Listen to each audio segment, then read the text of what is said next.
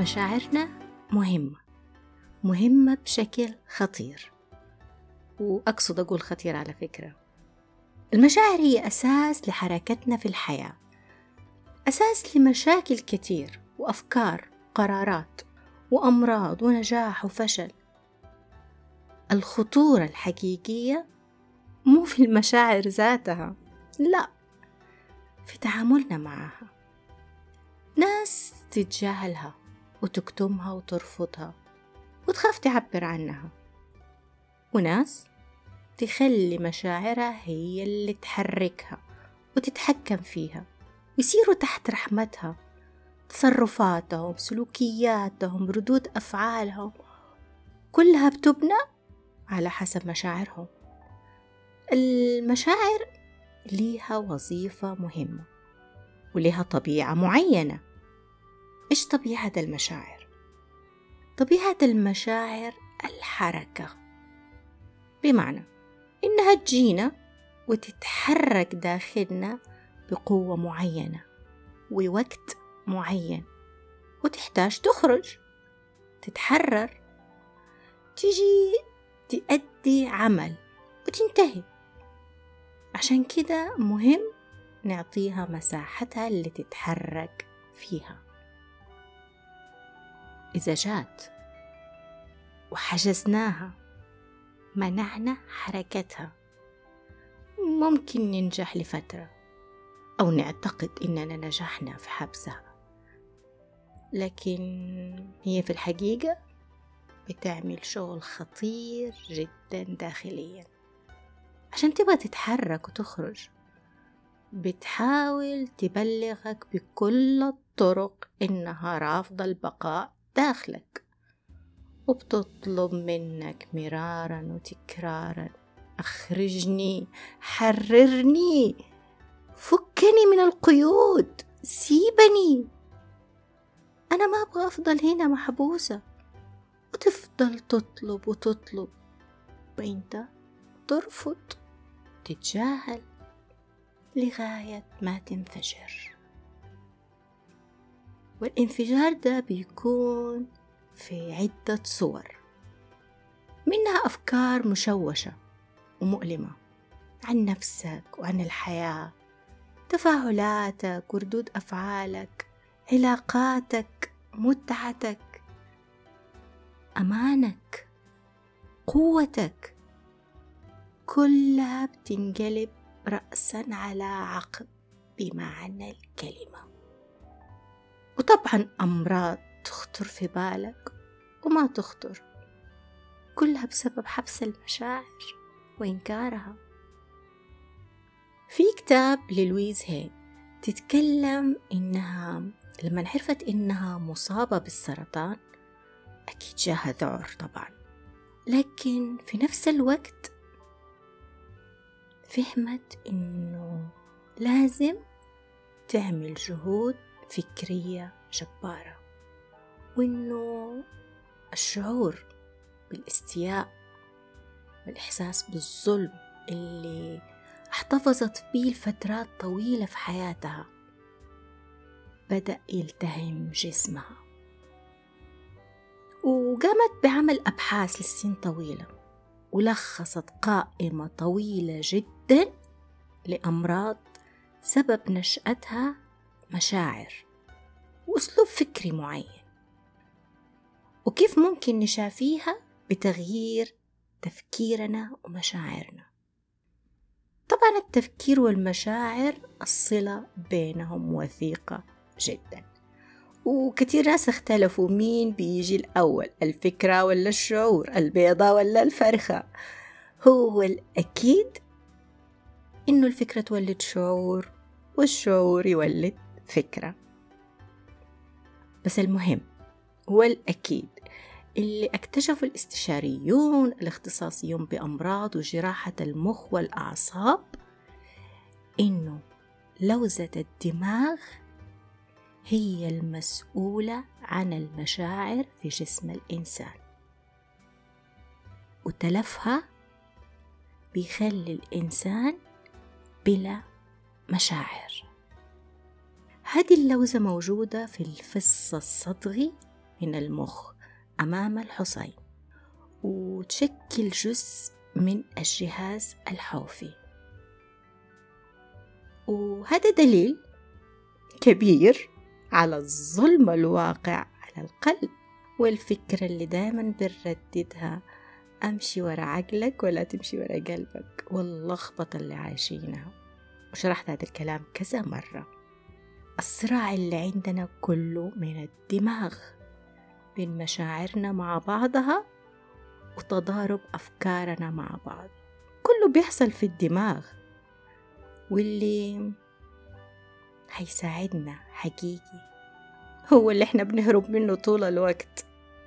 القلب وحكمته وعقله. ونعطي مساحة وراحة للاحتراق. اللي حاصل في أدمغتنا. طيب هو ليش بيجينا الشعور أصلا؟ ممكن بسبب الفكرة زي ما قلنا قبل شوية. أكيد في أسباب تانية. خلينا نفكر مع بعض. إيش قيمة الحياة بلا شعور؟ تقدر تتخيل نفسك عايش بلا شعور؟ ترى الفكرة مرة تخوف. كيف تقدر تلبي احتياجاتك الأساسية في الحياة إذا ما في شعور؟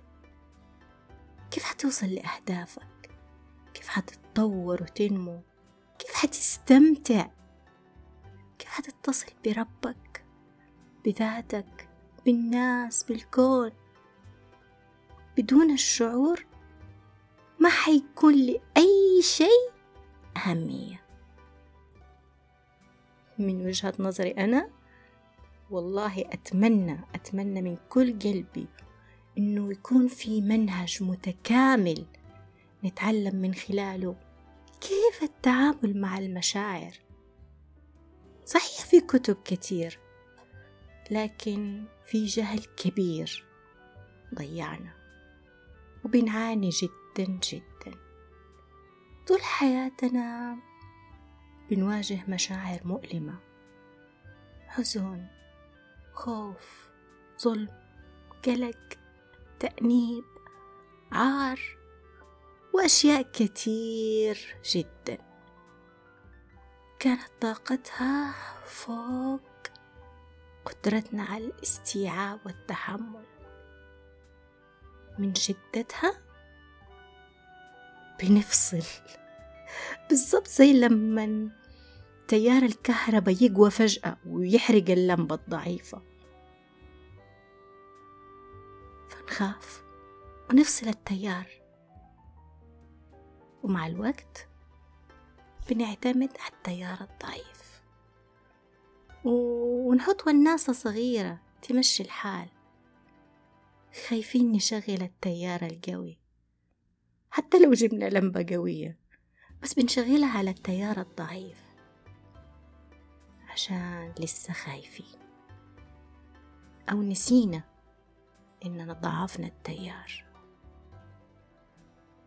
لما تحس بضعف ومو قادر تستقبل حب ونور وحيوية لا تلوم مصدر الطاقة أنت ناسي تفاعله أنت قافله أفتح عشان تستقبل.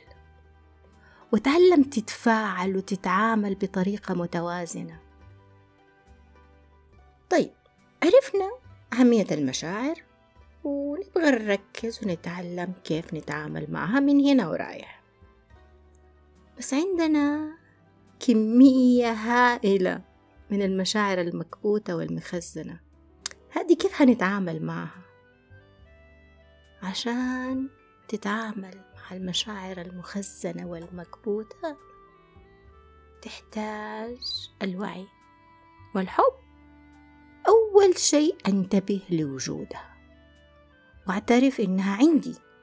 مهما كان عندي أحكام على سوء هذا الشعور.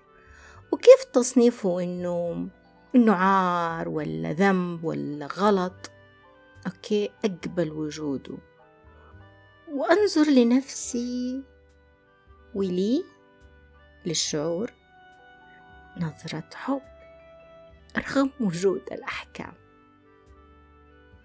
وشوية شوية هو حيتحرر من سجنه ويخرج.